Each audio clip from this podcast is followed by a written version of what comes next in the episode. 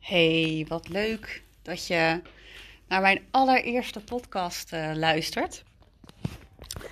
Normaal begint een eerste podcast altijd over uh, het delen van je verhaal. En ik heb daar gewoon helemaal geen zin in. Ik heb gewoon zin om mijn allereerste podcast uh, om te delen over mijn Cambo-ceremonie.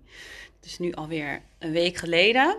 En ja, daar heb ik zin in. Dus daar gaat deze podcast gewoon over. En het is helemaal niet hoe het hoort. Ik doe nu van die aanhalingstekens met mijn, uh, met mijn vingers. Dat zie je natuurlijk niet. Maar um, ja, ik hou er eigenlijk ook wel van om dingen niet te doen zoals ze horen. Dus uh, dit wordt ook echt verre van een perfecte podcast. Dus vergeef me dat. Maar ik hou er tegenwoordig van om uh, alle nieuwe, enge dingen die ik aan het doen ben, um, simpel te houden, zodat ik ze ook durf. En um, ja, ik heb er dus net een nieuwsbrief uitgedaan over mijn Cambo-ceremonie. Uh, daarin vertel ik helemaal hoe dat gaat. En uh, nou ja, ik dacht, ik kan er ook net zo goed gewoon een podcast over opnemen. En um, nou, dus daar komt hij. Cambo is echt uh, iets wat eigenlijk al heel lang op mijn wishlist staat. Daar staat trouwens heel veel op. Een paar dingen die ik uh, echt nog wil doen is bijvoorbeeld een, een zweethut-ceremonie. Een ecstatic dance festival wil ik een keer heen. Uh, misschien ook nog wel naar een psychedelisch festival. Dus echt zo'n festival en nou, daar gebruik je dan een psychedelisch middel. Uh, dat lijkt me ook heel tof. Uh, een yoga-retreat staat ook nog op mijn lijstje. En een derde ayahuasca-ceremonie staat er ook zeker op. Uh, of iets van een ander plantmedicijn. Ik hou daar gewoon van. Um, ik zal eerst eventjes heel kort uitleggen wat Cambo eigenlijk is. Ja, je zou eigenlijk beter kunnen zeggen wie dat is. Dat is dus uh, de grote groene boomkikker uh, uit de Amazone. En die heeft een bepaalde secretie op zijn huid. En dat is eigenlijk een zeer heilzaam medicijn, zoals ze dat dan noemen. Het, uh, het zorgt voor een hele krachtige en pure, pure detox. En in de, in de Amazone noemen ze Cambo dan ook het jungle vaccin. En wat er eigenlijk tijdens een, een, een Cambo-sessie uh, tijdens, maar ook daarna uh, kan, kan gebeuren, zeg maar, is dat je meer uh, helderheid en, en inzichten krijgt over bijvoorbeeld patronen die je hebt, verslavingen, bepaalde gedachten of, of angsten die je hebt. En het is eigenlijk een, een diepe reiniging op mentaal, emotioneel, spiritueel en fysiek niveau. Dus het is eigenlijk gewoon een hele diepe detox op, op meerdere lagen. En uh, als je mij al wat langer volgt op, op, uh, op Instagram, dan weet je dat ik echt al weken top met rugklachten. Ik heb echt al meerdere dingen uitgeprobeerd, maar niks helpt echt. Dus alles wat ik doe, helpt gewoon één of twee dagen en dan is het er weer. Dus ik heb echt heel erg het gevoel um, ja, dat het zeg maar een, een diepere oorzaak heeft, die, uh, die, die rugklachten van mij. Um, dus dat is eigenlijk, dat was grotendeels de insteek om voor Cambo te kiezen. Want je kan dus ook um, ja, bepaalde plekken aanstippen, zeg maar, of aanstippen waar ze dan die Cambo plaatsen.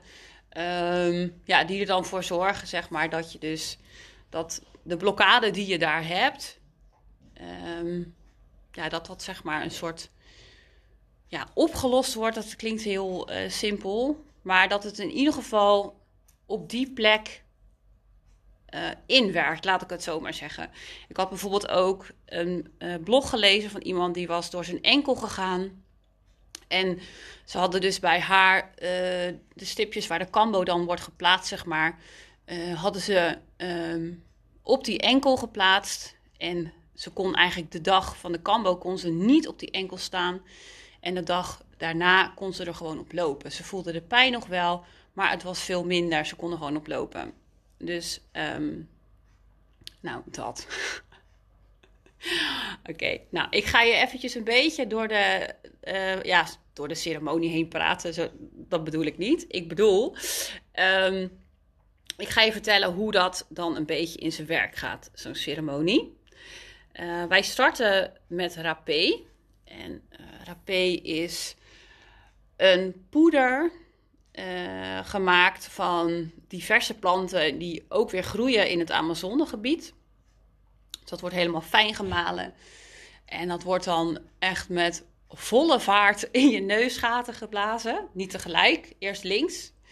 Uh, volgens mij, zoals ik het begrepen heb, uh, uh, is de reden dat je eerst links doet, omdat links voor het verleden staat en rechts voor de toekomst. Dus je laat eerst dingen los en dan sta je open voor nieuwe dingen of zo. Nou ja, zo heb ik het zelf een beetje ge, ja, geïmplementeerd. Hoe zeg je dat? Oh, dit wordt echt verder van de perfecte podcast. Maar ik laat het gewoon even los. Nou, dat is hoe ik het zelf zie. Laat ik het zo maar even zeggen.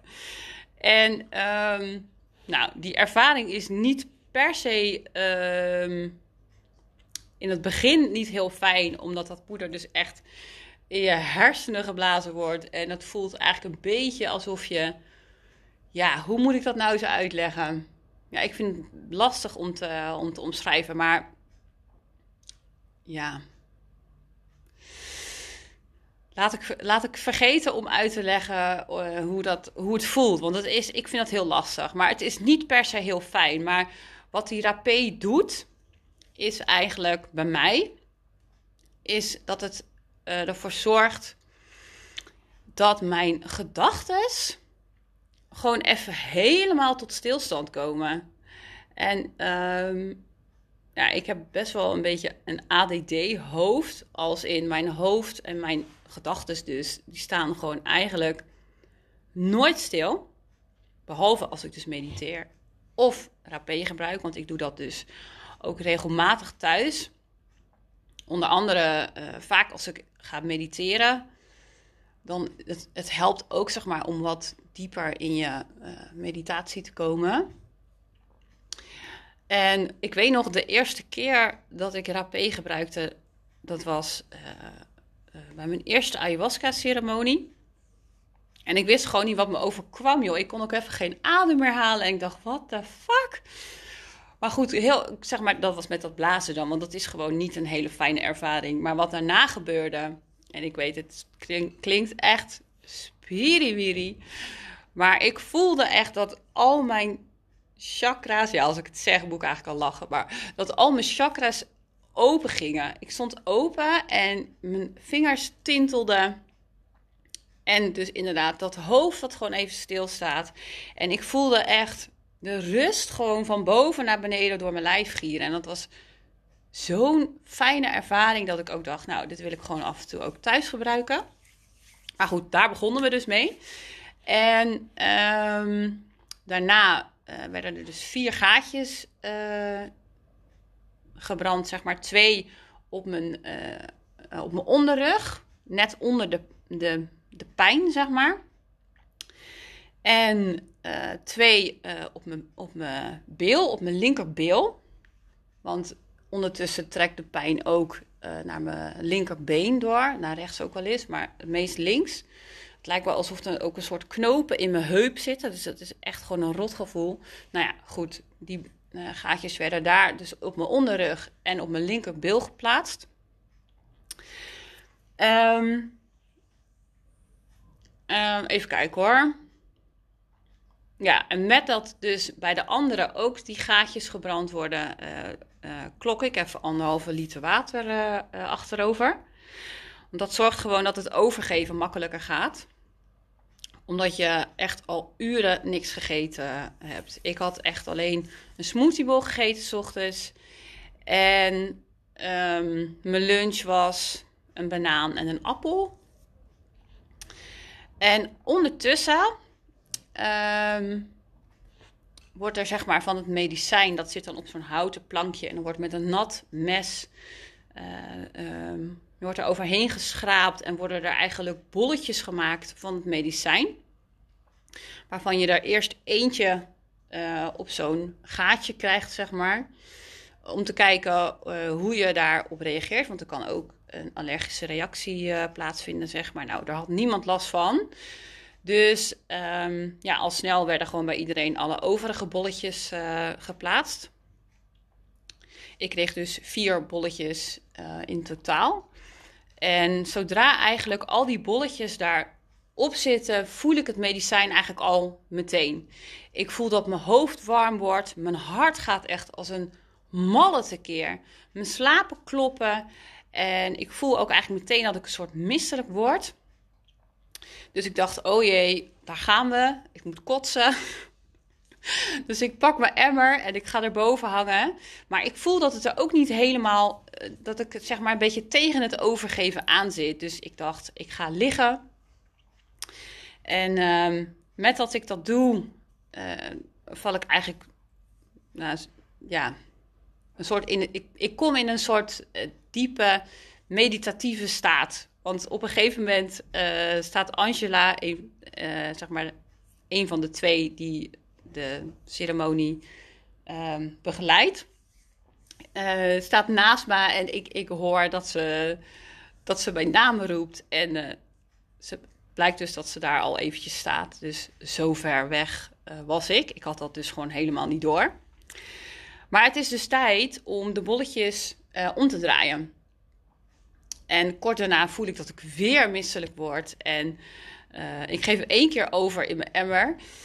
En uh, vervolgens ga ik weer liggen en uh, ik voel weer dat mijn hoofd heel warm wordt en mijn hart gaat weer tekeer. En ik voel weer ja, die soort vreemde sensatie door mijn lichaam. Het is heel apart. Het is ook heel moeilijk om dat uit te leggen, maar ik voel dus het medicijn. En um, nou ja, ik ga dus gewoon weer, weer liggen. En ik denk dat na ongeveer 10 minuutjes, ja, je hebt niet echt het besef van tijd. Maar ik denk tien minuutjes, een kwartiertje later uh, voel ik dat ik echt heel nodig moet plassen. Dus ik vraag uh, aan, aan, Angela of het oké is als ze de bolletjes bij mij weghaalt. Ze haalt ze weg en ik sta op en ik wil naar de wc lopen. En echt halverwege denk ik, oh mijn god, ik moet rennen, want ik hou het niet meer. Nou, ik was dus net op tijd bij de wc en ik gooi echt mijn anderhalve liter water daaruit. En... Um, nou, ik kom terug en iedereen is weer een beetje bij. Iedereen gaat zitten. En uh, nou, toen hebben we eigenlijk de ceremonie afgesloten met, uh, met vers fruit. Uh, Angela had soep gemaakt en we hadden brood. Nou ja, en dan ga je natuurlijk vertellen van wat je, wat je hebt gevoeld, wat je ervan vond. En um, ja, eigenlijk geeft het medicijn je ook wat je, wat je nodig hebt. Dus ja, de, de ervaringen waren ook wel wat verschillend. En nou ja, die nacht. Uh, ja, heel veel mensen slapen er dus heel lekker op. Nou, ik niet. ik had echt het gevoel dat ik om het uur uit mijn bed moest om te plassen. Uh, en wat ik ook voelde is dat de pijn in mijn rug eigenlijk gewoon helemaal weg was. Uh, dat voelde heel apart. Uh, toen ik de volgende ochtend uit bed stapte trouwens, was de pijn er wel weer, maar minder aanwezig. En de pijn voelde als te doen. Dus niet meer zo heftig. En uh, ja, ik kon ook weer gewoon wat langer zitten dan een half uurtje. En, um, en hoe het eigenlijk in mijn lichaam voelde, was dat het gewoon heel chill voelde. En ook mijn hoofd was heel erg rustig. En ik, had, ik heb best wel ook vaak, dat zul je misschien wel herkennen, is dat je gewoon wat van die onbenullige gedachten hebt, weet je wel. En die kon ik gewoon heel makkelijk een soort wegswipen. Ik dacht, nee, jou hoef ik helemaal niet in mijn hoofd. Rot op. En dat, weet je, dat kan ik, um, kan ik op zich vrij goed.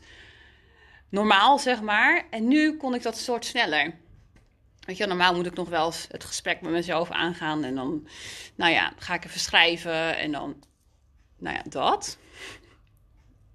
Maar nu kon ik dat gewoon heel makkelijk doen. En dat, dat voelde zo chill. En de dagen daarna bleef dat gevoel eigenlijk ook wel aanhouden. Het werd wel per dag wat minder. Ehm, en daarom uh, heb ik ook voor gekozen om een maandcyclus te doen. En dat betekent dat je na 28 dagen een tweede ceremonie doet. En na 28 dagen een derde ceremonie. En ja, wat je daar eigenlijk uh, mee doet, is dat je steeds een laagje dieper gaat, zeg maar. En uh, wat, er daar, wat er daarna eigenlijk ook nog gebeurde in de afgelopen dagen, is dat ik thuis ook van alles opgeruimd heb. Ik heb alle, alle kledingkasten helemaal uitgezocht en opgeruimd en dingen weggedaan. Ik heb echt vier uitpuilende vuilniszakken weggebracht. Um, we zijn naar de vuilstort gereden met allemaal troep wat al lang weg kon. En ja, ik geloof ook echt wel dat dat met, met Cambo te maken heeft. En Cambo is ook zeker iets wat, wat ik ook echt gewoon wel wil blijven doen. Ze zeggen eigenlijk dat als je, ja, als je één keer per jaar Cambo doet, dat dat eigenlijk voldoende is om ja, die diepe detox te ervaren.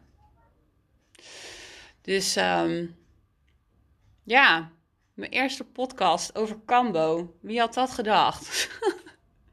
ik loop echt al maanden met het idee om een podcast te beginnen, omdat ik zelf ten eerste ook heel fijn vind om naar podcasts uh, te luisteren. Sommige zijn heel lang en dan denk ik, hoe krijg je nou een uur voor, vol geluld? Maar goed, ik zit nu ook 16 minuten, bijna 17 minuten te lullen. En um, nou, ik wil eigenlijk ook gelijk over mijn ayahuasca-ceremonie vertellen. En um, nou, die gaat er ook zeker komen. Maar goed, misschien wordt mijn volgende podcast dus wel over waarom ik doe wat ik doe. Zoals het hoort. Nou, ik ga hem afsluiten. Um, ja, hoe sluit je een podcast af? Ja, joh, ik, ik luister zoveel podcasts dat ik dat eigenlijk wel zou moeten weten. Maar ik heb voor nu uh, even geen idee. Volg me op Insta. Um, leuk als je dat doet. Ja, ik ga, daar, ik ga hier eens eventjes over nadenken. Hoe, hoe sluit je een podcast af? Nou, uh, tot de volgende podcast sowieso, hè? Nou, de mazzel. Doei! Hey, nou, daar ben ik weer hoor. Podcast nummer 2. En uh, ik heb zoveel reacties op mijn eerste podcast uh, gekregen. Um, heel veel vonden het zeg maar lijken alsof ik bij hun aan de keukentafel zat en dat ik dat verhaal aan het vertellen ben. En ze vonden het juist fantastisch dat ik dus niet werk met een, met een intro en dat ik afsluit met de mazzel. En ja, weet je, dat is tenminste wat ik dan terugkreeg. En dat heb ik dus zelf ook als ik naar iemand anders een podcast luister.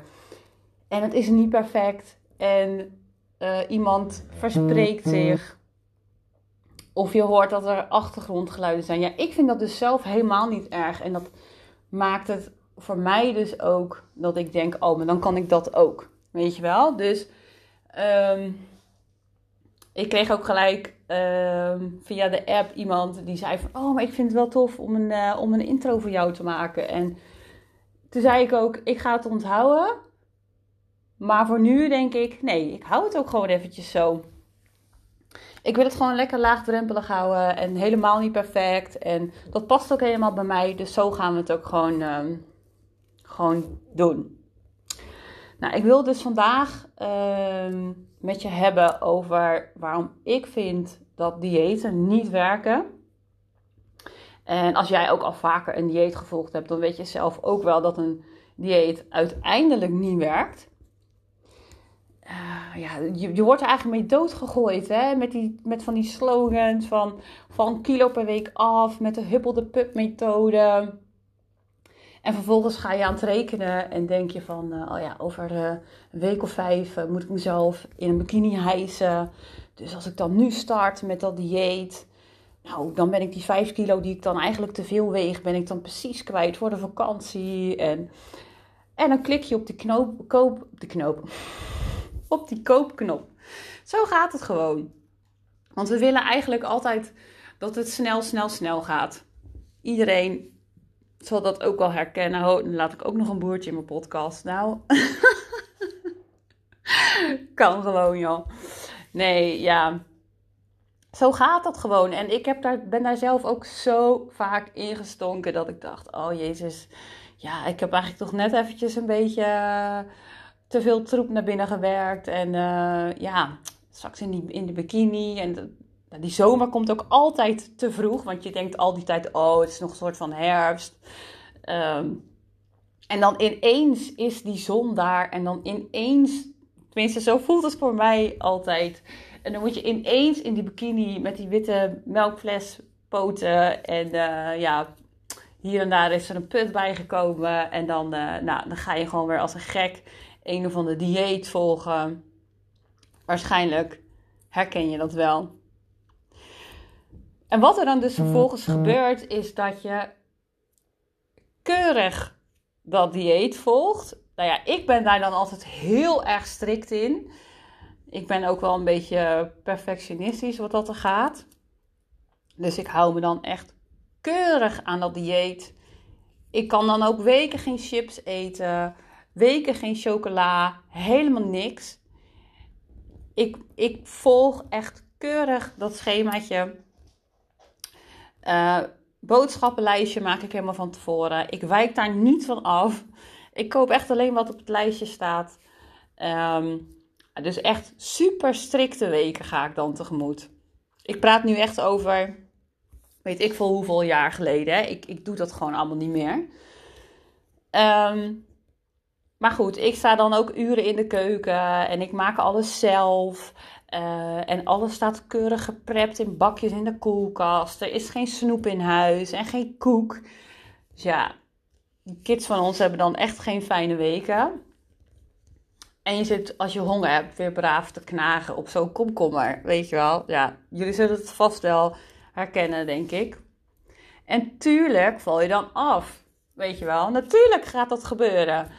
Um, zo'n eetschema of zo'n dieet wat je volgt, dat is altijd, tenminste degene die ik gevolgd heb, dat zijn altijd dat je dan gewoon een mega calorietekort hebt. Dus dan dat je echt op 15, 16, ja, meestal, soms ook nog wat lager zelfs. Ik heb ook wel eens een dieet gevolgd waarbij ik echt maar 13 of 1400 calorieën binnenkreeg. En ja, dat is ook gewoon, ik vind dat niet gezond. Maar goed, het werkt wel. Het werkt echt als een titel. dan gaat die kilo per week, dat gaat echt prima lukken. Dus je valt die 5 kilo af. Het werkt. je denkt, nou, dit is echt top. Je voelt je ook waarschijnlijk wel top, omdat je gewoon heel veel groente eet. Eh, heel veel fruit. Je zit meestal wat lager in koolhydraten. Nou, werkt allemaal top. Maar wat gebeurt er dan na dat dieet? na het volgen van al die eetschema's, waarschijnlijk, ik begon dan heel vaak, uh, vond ik het heel eng en dan werd ik er ook een beetje onrustig van, want dan dacht ik, ja, Jezus, nu is dat dieet voorbij, wat ga ik dan nu eten, weet je wel? Ik, dus ik wil daar niet zelf over hoeven nadenken en uh, ja, dan begon ik ook vaak wel weer gewoon bij week 1. Maar dan haakte ik toch eigenlijk ook wel weer af. Omdat ik dacht, ja, dit heb ik al gegeten en dat vond ik eigenlijk niet zo lekker. En ja. En wat er dan eigenlijk ook gebeurde bij mij, en dat is misschien ook wel iets wat je herkent, is dat je dan, uh, omdat je dan zeg maar wekenlang helemaal niks lekkers gegeten hebt, is dat je dan um, die dingetjes weer gaat eten. En in mijn geval betekende dat eigenlijk ook dat ik um, daar ook wel weer een beetje in door kon slaan. Dat ik dacht, ja, jezus, ik heb echt weken geen chips op. En dan, hup, chips halen. En dan had ik gewoon de zak leeg. Weet je wel, dan voelde ik me daar schuldig over. En ja, ik ging een beetje de schade inhalen. En dan deed ik eigenlijk een soort onbewust of zo. Ja, onbewust. Ja, je doet dat ook wel bewust natuurlijk. Want ja, je flikkert zelf die zak chips weer in, de, in, de, in je mandje. Maar dacht ik, ja, ik heb dat zo lang niet op, dan, dan mag het weer een soort van jezelf. Maar wat er dan gebeurt uiteindelijk, is dat je dus die schema's, tenminste in mijn geval, liet ik dan toch die schema's weer helemaal los. Want toen dacht ik, ja, nee, ik wil gewoon zelf bepalen wat ik eet. Waar heb ik zin in, weet je wel? Nou, dat was dan het ongezonde, omdat ik dat heel lang niet gegeten had. Dus uiteindelijk, na een aantal weken, zaten die kilo's die ik eraf had gekregen, zaten er eigenlijk gewoon weer aan. En dan ben je dus gewoon weer terug bij af. Ik denk dat dit voor veel vrouwen wel herkenbaar is trouwens. Maar goed, wat werkt er dan wel, hè?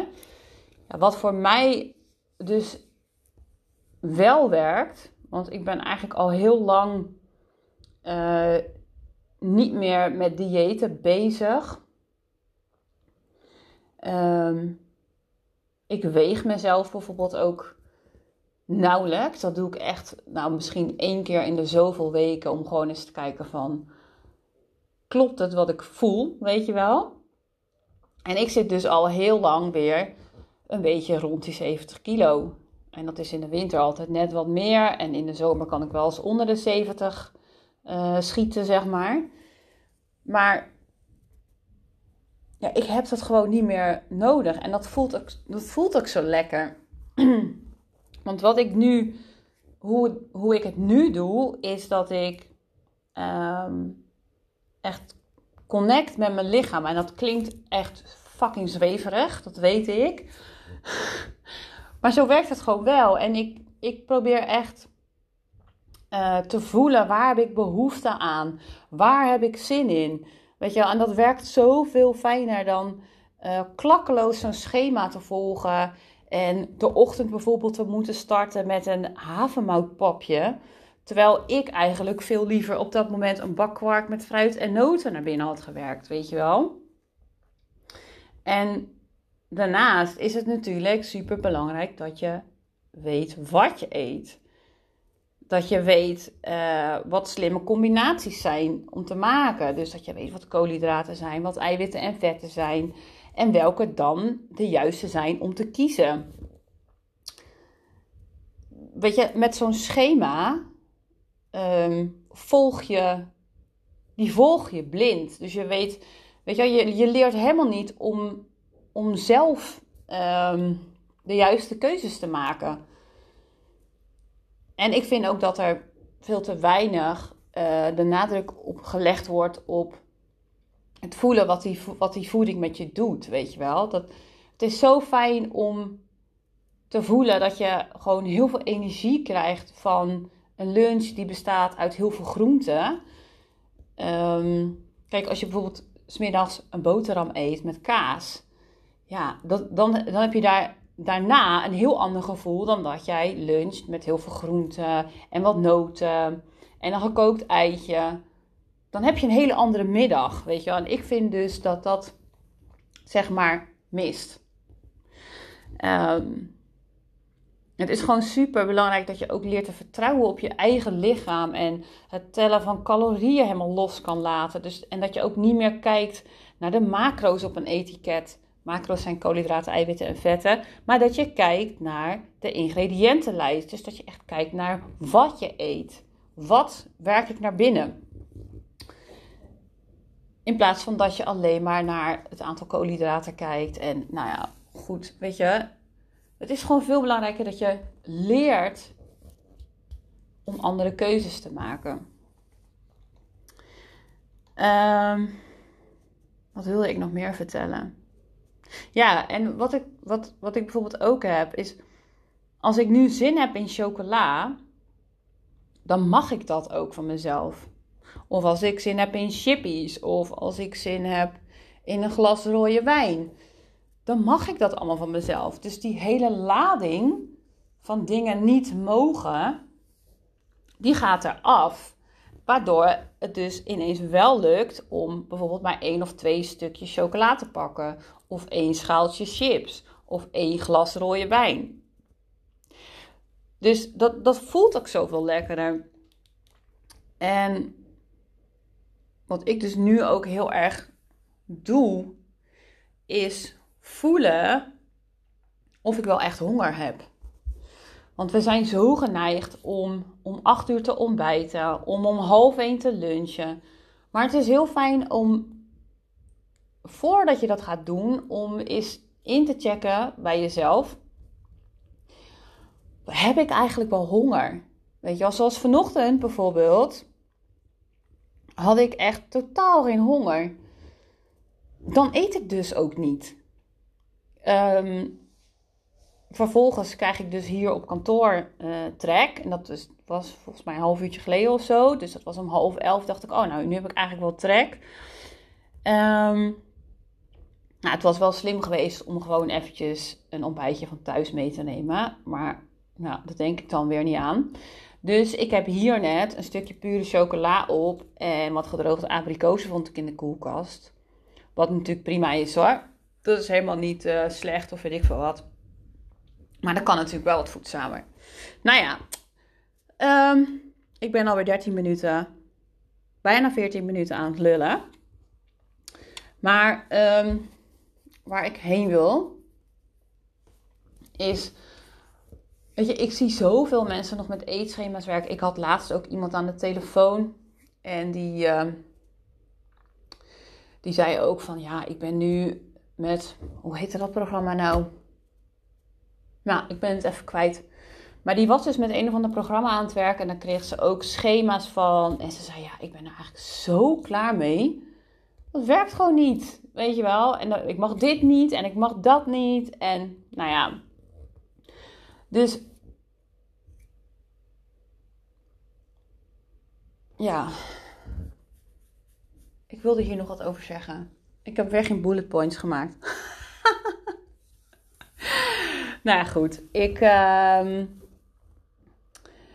ik wil eigenlijk dat als jij nu ook weer een dieet aan het volgen bent, of schema's volgt, of helemaal uh, van de macro's bent, en nou, dan, dan zou ik je eigenlijk willen uitnodigen, tenminste als je voelt dat je daar klaar mee bent, uh, om dan een gratis lekker in je vel gesprek met mij in te plannen. En dan gaan we gewoon samen kijken wat jouw behoefte is en of dat dan past binnen het één op één traject dat ik aanbied.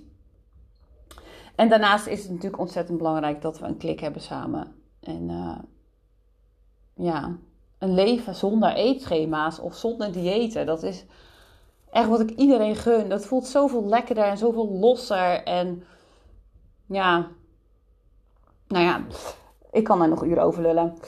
Um, het gesprek duurt ongeveer 20, 30 minuten. En uh, die plan je eigenlijk super makkelijk in via de link in mijn bio op Insta.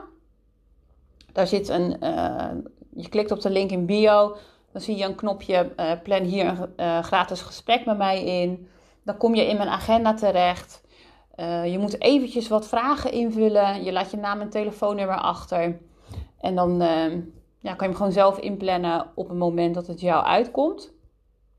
En dan gaan we gewoon even kletsen daarover.